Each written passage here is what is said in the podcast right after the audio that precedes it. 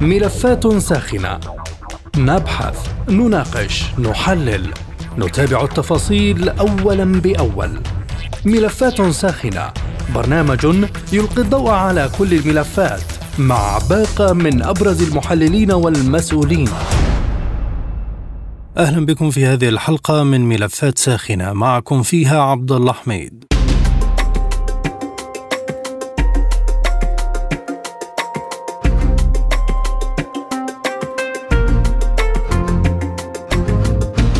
يزور وزير الخارجية الصيني يوانغ هي موسكو لبحث خطط بكين للسلام في أوكرانيا ذلك بعد انتهاء مؤتمر ميونخ للأمن الذي شهد دعما غربيا جديدا لكييف. الاقتراح الصيني للسلام ربما يمر بعقبات أولها الموقف الأمريكي من الأزمة واستثمار واشنطن في ديمومة الصراع خطة السلام الصينية تشمل احترام السلامة الإقليمية والسيادة ومقاصد ومبادئ ميثاق الأمم المتحدة وأخذ التهديدات الأمنية على محمل الجد بحسب ما أعلن وزير الخارجية الصيني. يأتي هذا الاقتراح في وقت يتخوف فيه الغرب من العلاقة الوطيدة بين روسيا والصين لكن نهج البلدين تأثر في تصريح وزير الخارجية بأن بكين لن تمرر أي محاولات أمريكية لتهديد العلاقات الروسية الصينية وأنها قائمة على سيادة الدولتين والاحترام المتبادل وعدم الانحياز وتجنب المواجهة واستهداف أطراف ثالثة. نناقش في هذه الحلقة المقترح الصيني للسلام والتخوفات الغربية من علاقتها مع روسيا. حول الموضوع ينضم إلينا من عمان الدكتور حسن الدعجة مستشار معهد الحزام والطريق بجامعة بكين أهلا بك دكتور كيف تقرؤون زيارة وزير الخارجية الصيني لروسيا خلال الأيام المقبلة؟ اعتقادي أن الصين قدمت مبادرة للسلام بين روسيا وأوكرانيا في العملية العسكرية التي تقودها روسيا تجاه أوكرانيا وأن هذه المبادرة حظيت باتفاق الجميع في مؤتمر ميونخ للأمن، لكن أنا باعتقادي للأسف الشديد زيارة جو بايدن في الأمس إلى كييف تعطي مدلولات مغايرة وتدلل على أن الولايات المتحدة لا تسعى إلى إلى موضوع إلى موضوع المفاوضات أو حتى قضية إحلال السلام. وكأن الغرب يجتمع جميعا في حرب مع أوكرانيا ضد الاتحاد الروسي. وهل يمكن قراءة زيارة بايدن لكييف بأنها يعني دعوة أو حث للانطلاق نحو السلام والجلوس على طاولة التفاوض؟ يعني هذه الاحتمالات كلها واردة في السياسة، لكن الزيارة بحد ذاتها قد تكون تحمل وجهين، الوجه الأول بأن إعطاء رسالة أو إرسال رسالة لزيلينسكي أنه يمكن له التفاوض، لكن التصريحات الأمريكية التي سبقت الزيارة والتي اباحت لأوكرانيا أو سمحت لأوكرانيا بأن تضرب بعض الأهداف العسكرية في جزيرة القرم. هذا لا يدلل على أن زيارة بايدن بايدن هي لموضوع السلام وإنما هي قد تكون لمزيد من الدعم الغربي إلى أوكرانيا وكأن الغرب هو الذي يحارب روسيا لأن روسيا هي تعي هذه المواقف وهي تمثل المدرسة الواقعية في العلاقات الدولية وتبني افتراضاتها على أساس أنه لا يمكن إقرار السلام إلا بتحقيق الأهداف الروسية باستقلال المناطق التي تم الإعلان عن الاعتراف بها مؤخرا وهي تحوي على الأكثرية العرقية الروسية. وهذه العملية العسكرية جاءت للمحافظة على الديمقراطية الروسية في هذه المناطق بعد أن تعرضت للكثير من التعذيب من قبل النازيين الأوكرانيين بالدعم آه، الغربي. والدلالة الأخرى لزيارة بايدن إذا كنا أنه ينحى إلى موضوع السلام كان لابد له من إيقاف دعم أوكرانيا في الأسلحة المتطورة والدبابات والآن يبدأ الكلام عن تزويد أوكرانيا بطائرات مقاتلة بالإف 16 وهذا لا يدلل على أن هناك مؤشرات سلام بالنسبة للولايات المتحدة، الولايات المتحدة تقود هذه الحرب من خلال أوكرانيا آه، بالجنود الأوكرانيين لأنها لا تدفع الثمن وهذا ديدا الولايات المتحدة دائما الحروب التي تخوضها بجنود آخرين وعلى غير أرضها وبالتالي هي بعيدة عن منع الأضرار العسكرية لهذا الجانب، لكن بالمقابل الاتحاد الروسي لم يقبل التدخل الغربي المفرط في أوكرانيا والاتحاد الروسي يحارب تقريبا نتكلم أنه يحارب الاتحاد الأوروبي مجتمعا. وكذلك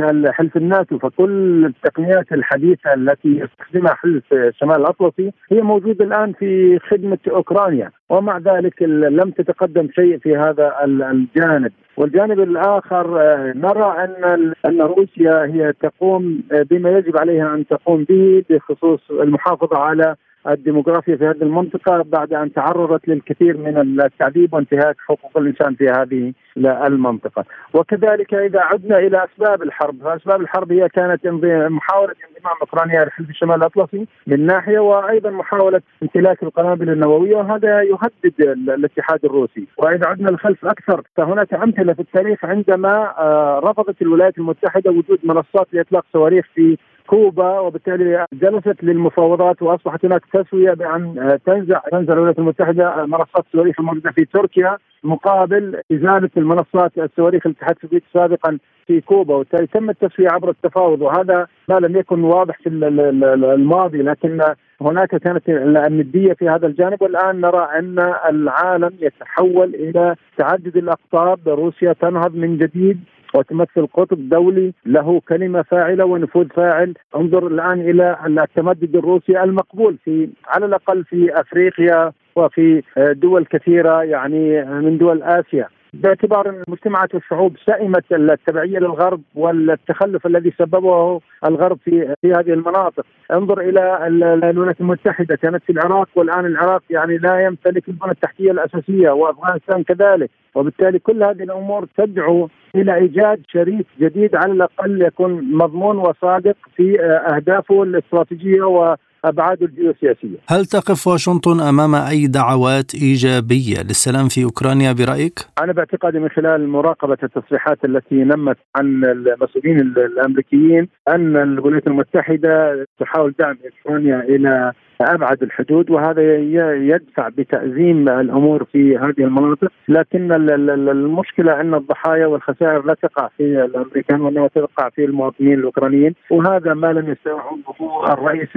الأوكراني آه، فلاديمير زيلينسكي ولا يستوعبه أيضا القادة الاستراتيجيون في الجيش الأوكراني. أنا باعتقادي أن أوكرانيا يجب أن تنحو إلى السلام. هناك مبادرات سلام طرحت آخرها المبادرة الصينية. لكن باعتقادي أن وزير الخارجية الصيني الآن هو في موسكو لعل ذلك يعني يمهد إلى عملية سلام على الأقل تضمن الأمن القومي الروسي آه، كما تراه موسكو وتحقق لها أهدافها في هذه العملية العسكرية. نحن نرى الآن العملية العسكرية استمرت لمدة الآن عام وما زالت وهذا يدل على أن روسيا موقفها العسكري قوي، موقفها الاقتصادي قوي، موقفها السياسي قوي، هي تدافع عن حقوقها، تدافع عن مجالها الحيوي، تدافع عن فضائها ونفوذها السياسي والثقافي والحضاري في نفس الوقت. الصين كقوة فاعلة ومن خلال علاقاتها بدول أوروبية هل يمكن لها فرض صيغة معينة للسلام في أوكرانيا؟ نعم الصين لديها علاقات قوية ومتينة مع كثير من دول الاتحاد الأوروبي لديها علاقة الآن مع ألمانيا اشتركت في إدارة ميناء هامبورغ باستثمار ضخم وأيضا مع اليونان وإيطاليا والكثير من هذه الدول تعتمد اعتمادا كليا. والاتحاد الأوروبي أصبح الشريك الأول للصين والصين أصبحت الشريك الأول للاتحاد الأوروبي. وبالتالي هناك اعتمادية متكاملة بين الصين والاتحاد الأوروبي. عداك على أن الاتحاد الأوروبي أنا أعتقد أن هناك شعوب بدأت تغير من اتجاهات الرأي العام فيها وتضغط باتجاه الأنظمة السياسية لأن تنحو إلى السلام ووقف إمداد أوكرانيا بالحرب.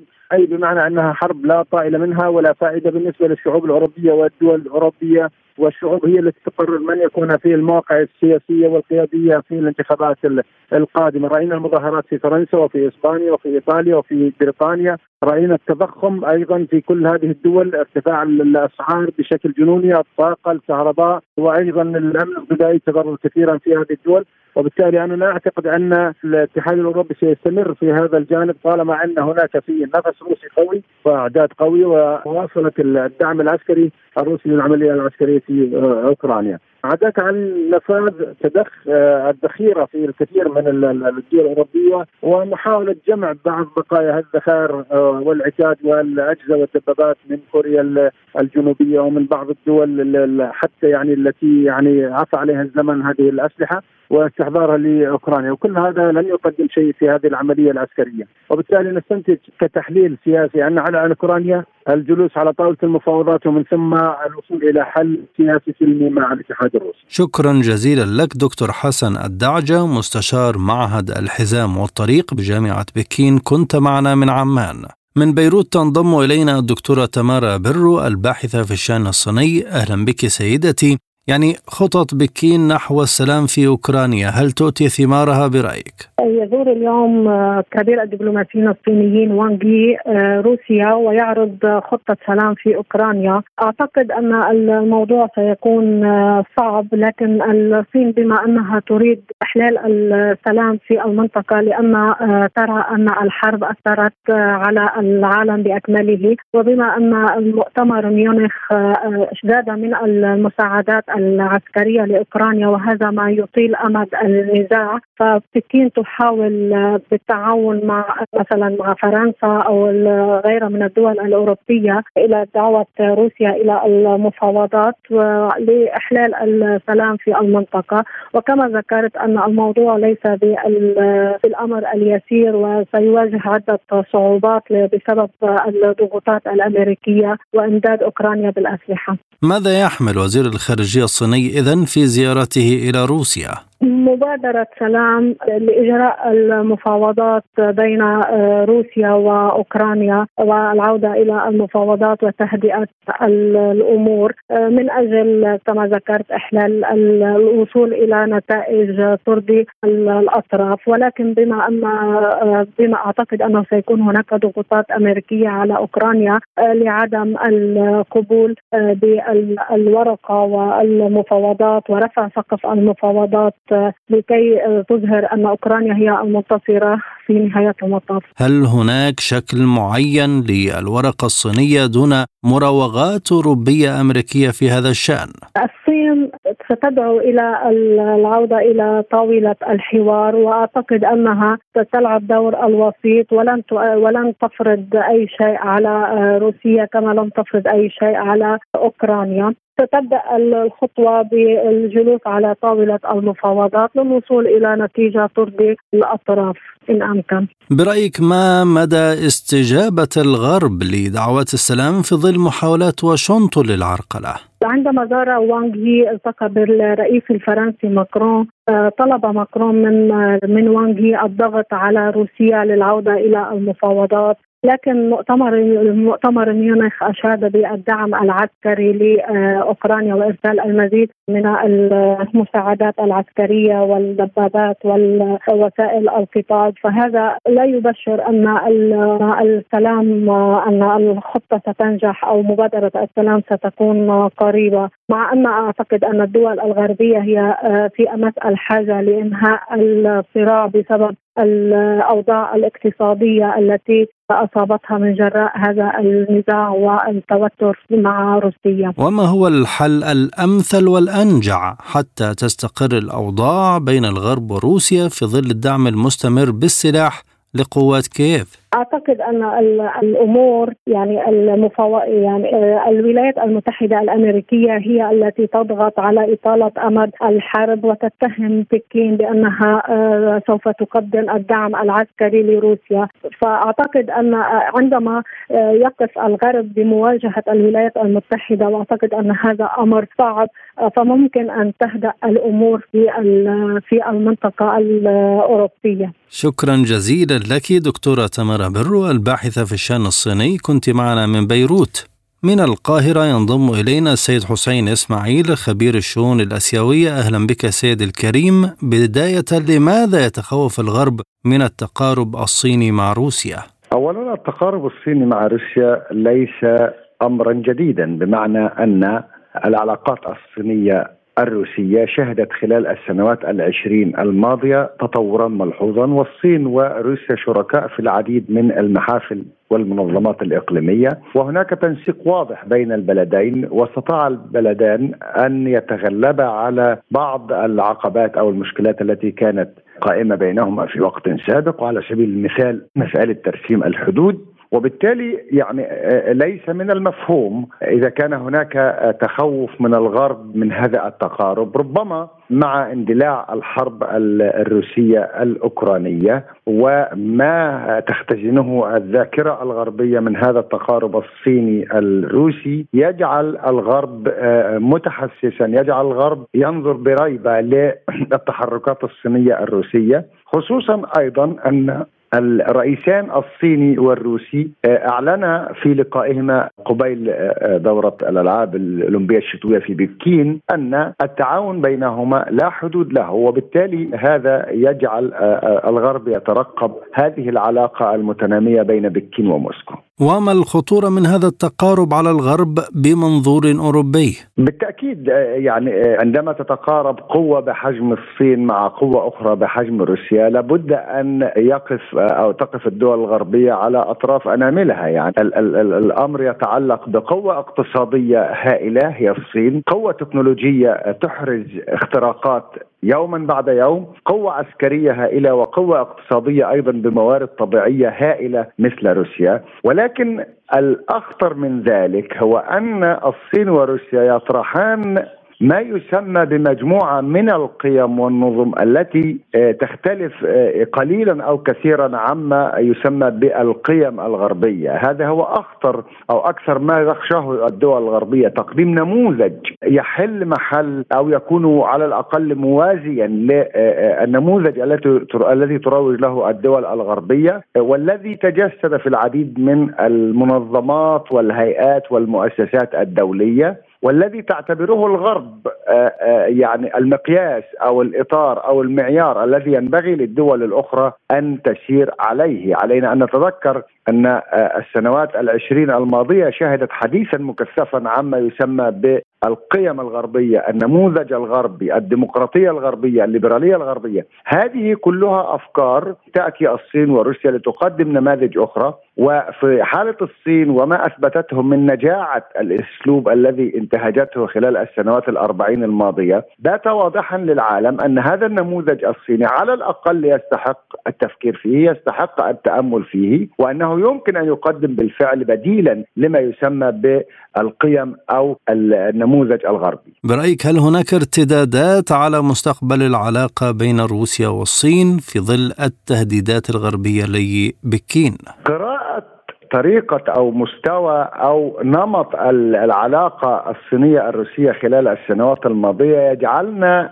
نتوقع أن تحافظ هذه العلاقة على هذا التوازن والتحفظ إذا جاز التعبير والتؤدى في اتخاذ الخطوات. بمعنى أن لا أتوقع أن أشهد يشهد العالم خلال الفترة القليلة القادمة تحالفا عسكريا مثلا بين الصين وروسيا. لا نتوقع أيضا أن يتخذ البلدان مواقف شديدة الحدة تجاه الدول الغربية. بالتأكيد هذا له علاقة بما يربط الصين وما يربط روسيا وبالتحديد هنا الصين من علاقات اقتصادية وتكنولوجية وثقافية مع الدول الغربية بمعنى أن الصين وروسيا سيحافظان على هذا المستوى المتقارب من العلاقة والذي لا ينجرف إلى ما يمكن أن يفسر غربيا على أنه تحالف عسكري موجه ضد الدول الغربية. وزير الخارجية الصيني دعا الغرب إلى التوقف عن تأجيج النزاع في أوكرانيا، هل تحمل الصين اذا صيغة معينة للغرب والولايات المتحدة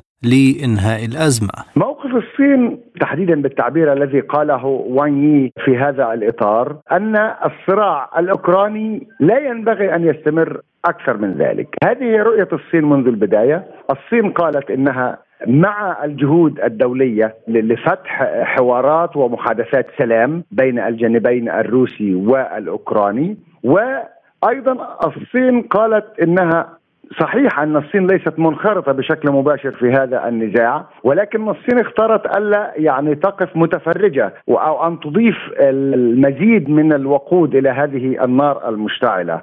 وربما هنا آه، يعني آه، تلميح من دون ذكر أسماء دول ولكنه تلميح إلى الدول الغربية التي آه، تدعم أوكرانيا في صراعها مع روسيا. ولكن الصين ترى أن استمرار هذه الحرب ليس في مصلحة أحد ليس في مصلحة روسيا ليس في مصلحة أوكرانيا أو حتى الدول الغربية والأهم من ذلك أنه ليس في مصلحة العالم. صحيح أن بعض وسائل الإعلام والدوائر الغربية فسرت هذا النشاط الدبلوماسي آه، الصيني الدافع إلى السلام على بأن الصين يعني لديها تخوفات وشكوك من أن تخرج روسيا مهزومة في هذه الحرب. ولكن أعتقد أن التحرك الصيني ينبع من التوجه الصيني منذ البداية وهو الرغبة في إنهاء آه، هذا النزاع عبر طاولة المفاوضات. وهذا هو ديدن السياسة الخارجية الصينية الحقيقة في العديد من القضايا، الصين دائما تتخذ جانب المحادثات، الصين تدعو إلى نبذ الصراعات. و اعتقد أن يعني الانعكاسات التي شهدها العالم وشهدتها الدول الغربية وروسيا خلال العام المنقضي منذ بداية هذه الحرب يثبت أن الرؤية الصينية إلى حد كبير صائبة وأنه لا أحد لم لم يعد واضحا أو لم يظهر حتى الآن أي طرف مستفيد من هذه الحرب المشتعلة والتي تدخل عامها الثاني. أتحدث أخيرا عن العراقيل أمام تنفيذ خطة سلام تنهي أزمة أوكرانيا. طبعا هناك عراقيل كثيرة في الحقيقة يعني المواقف المواقف الروسية المتشددة والمتمسكة بمطالبها المواقف الأوكرانية المتشددة والمتمسكة بمطالبها وأعتقد أن الصين بعلاقاتها الجيدة مع روسيا وعلاقتها أيضا الطيبة مع عدد من الدول الغربية مثل فرنسا أو ألمانيا أو غيرهما. أعتقد أن الصين يمكن أن تشرح وتوضح لهذه الدول والتي لديها استعداد بالفعل لسماع الرؤية الصينية. بأن استمرار هذه الحرب آه، لن يكون مفيدا. ولكن واقعيا سوف يجلس الطرفان الروسي والأوكراني إلى طاولة المفاوضات عندما يدرك الطرفان أن أن استمرار هذه الحرب لن يحقق الأغراض أو الأهداف التي يبتغيها وأنه وصل إلى نقطة لا يمكنه آه، آه، الذهاب إلى أبعد منها. هنا سوف يجلس الطرفان اضطرارا وليس اختيارا. شكرا جزيلا لك السيد حسين إسماعيل خبير الشؤون الآسيوية كنت معنا من القاهرة. من بكين ينضم إلينا مدير مركز الصين بالعربية الفصحى السيد جاد رعد. أهلا بك أستاذ جاد. يعني هل يحمل آه، وزير الخارجية الصيني رسائل من الجانب الغربي بعد مؤتمر ميونخ أم أنه عرض صيني خالص لكل من روسيا والغرب لإحلال السلام. المبادئ الأساس في السياسة الخارجية للصين هي دائما ذاتها ولكن المتغيرات هي المستجدات والعوامل التي نراها من تطور في في سياق الأمور من يوم إلى آخر. وبالتالي الصين تحاول دائما إيجاد الحلول بناء على المتطورات كما هي اليوم و المبادئ الثابتة المعروفة في سياسه الصين الخارجية. في هذا السياق يعني متغيرات اليوم تبدأ شرقا شرق الصين مثل اليابان وهذا الانفلات الحاصل في التوسع العسكري الياباني وبالتأكيد بناء على ضوء أخضر أو حث أمريكي وصولا إلى مجريات وسياق تطور المواجهة العسكرية في أوكرانيا وموقف الصين ما يزال هو ذاته وواضح في هذا السياق وصولا إلى السياسة الصينية الواضحة في الشرق الأوسط إن كان مع إيران أو إن كان مع دول الخليج العربي وصولا إلى مسائل في القارة الأفريقية أو القارة الأمريكية من مشاريع كبيرة أو من مسألة الخلاف مثلا مسألة المنطاد وما تبعه. وبالتالي ما يمكن أن يكون قد حصل في ميونخ بين الوزير الصيني والأمريكي هو حتما ليس ما تناقلته وسائل الإعلام الغربية لأنه لا مبرر لأن يذهب الوزير الصيني للقاء من هذا النوع من أجل أن يسمع كلام من هذا النوع. في هذه النقطة ما تصفه الصحف الدولية بمناوشات بين وزيري خارجية الصين والولايات المتحدة. هل سيكون له تأثيرات على واقع الأزمة الأوكرانية؟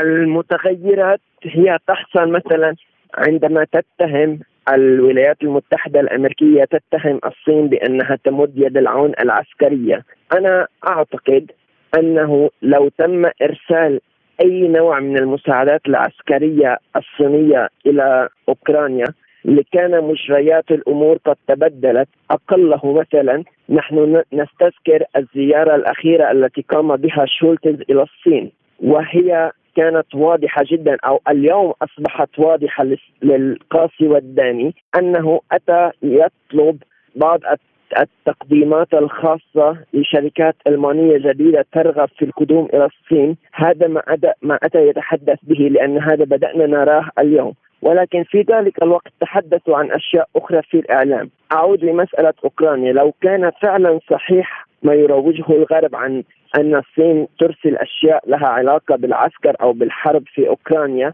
لكان موضوع مثل ألمانيا لكان خرج من الصراع لأن ألمانيا بحاجة إلى هذه التقديمات المالية المساعدات المالية للشركات الألمانية في الصين. وبالتالي لو فعلا الصين تتدخل كما يزعم الغرب لكان هناك بعض العناصر مثل ألمانيا لكانت خرجت من الصراع. وبالتالي كون هذه الخريطة لم تتبدل. هذا يعني أن كل ما يتشبك به الإعلام الغربي وهذه التصريحات الطنانة الرنانة هي في الحقيقة بروباغندا من من الموضة القديمة جدا والغير صالحة إلا في بلدان منشئها ولأسباب تتعلق بانتخاباتهم الداخلية وتصفية حساباتهم السياسية في بلدانهم إلى أي حد يؤثر الخلاف بين الولايات المتحدة والصين على أي عرض للتسوية في أوكرانيا؟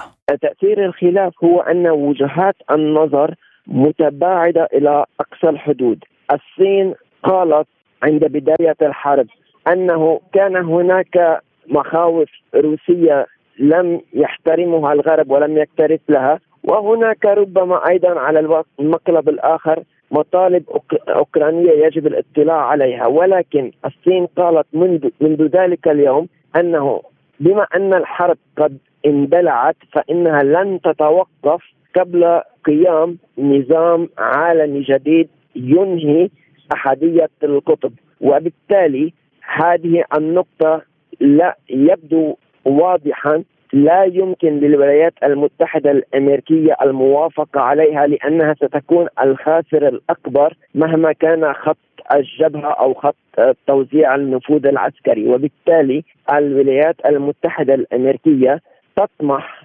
لحل يحفظ آه، مصالح معينة في إطار يخدم مزاعم إعلامية ومشاريع إعلامية كبيرة جدا. في حين أن الصين قالت كلمتها منذ اليوم الأول أن هذه الحرب لن تتوقف قبل ولادة نظام جديد على أسس واضحة كذا وكذا وكذا. ويبدو أن الأمريكي ليس في وارد قبول هذه هذه الفكرة.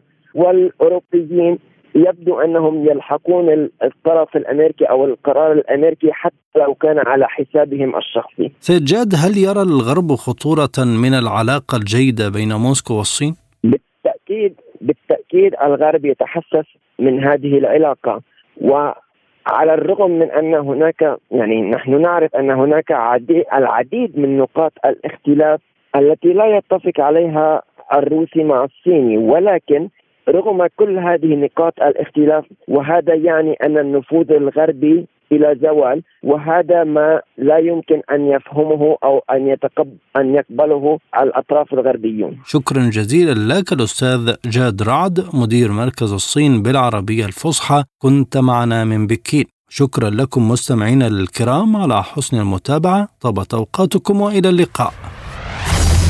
مستمعينا بهذا نصل وإياكم إلى نهاية هذه الحلقة من برنامج ملفات ساخنة. طابت أوقاتكم وإلى اللقاء.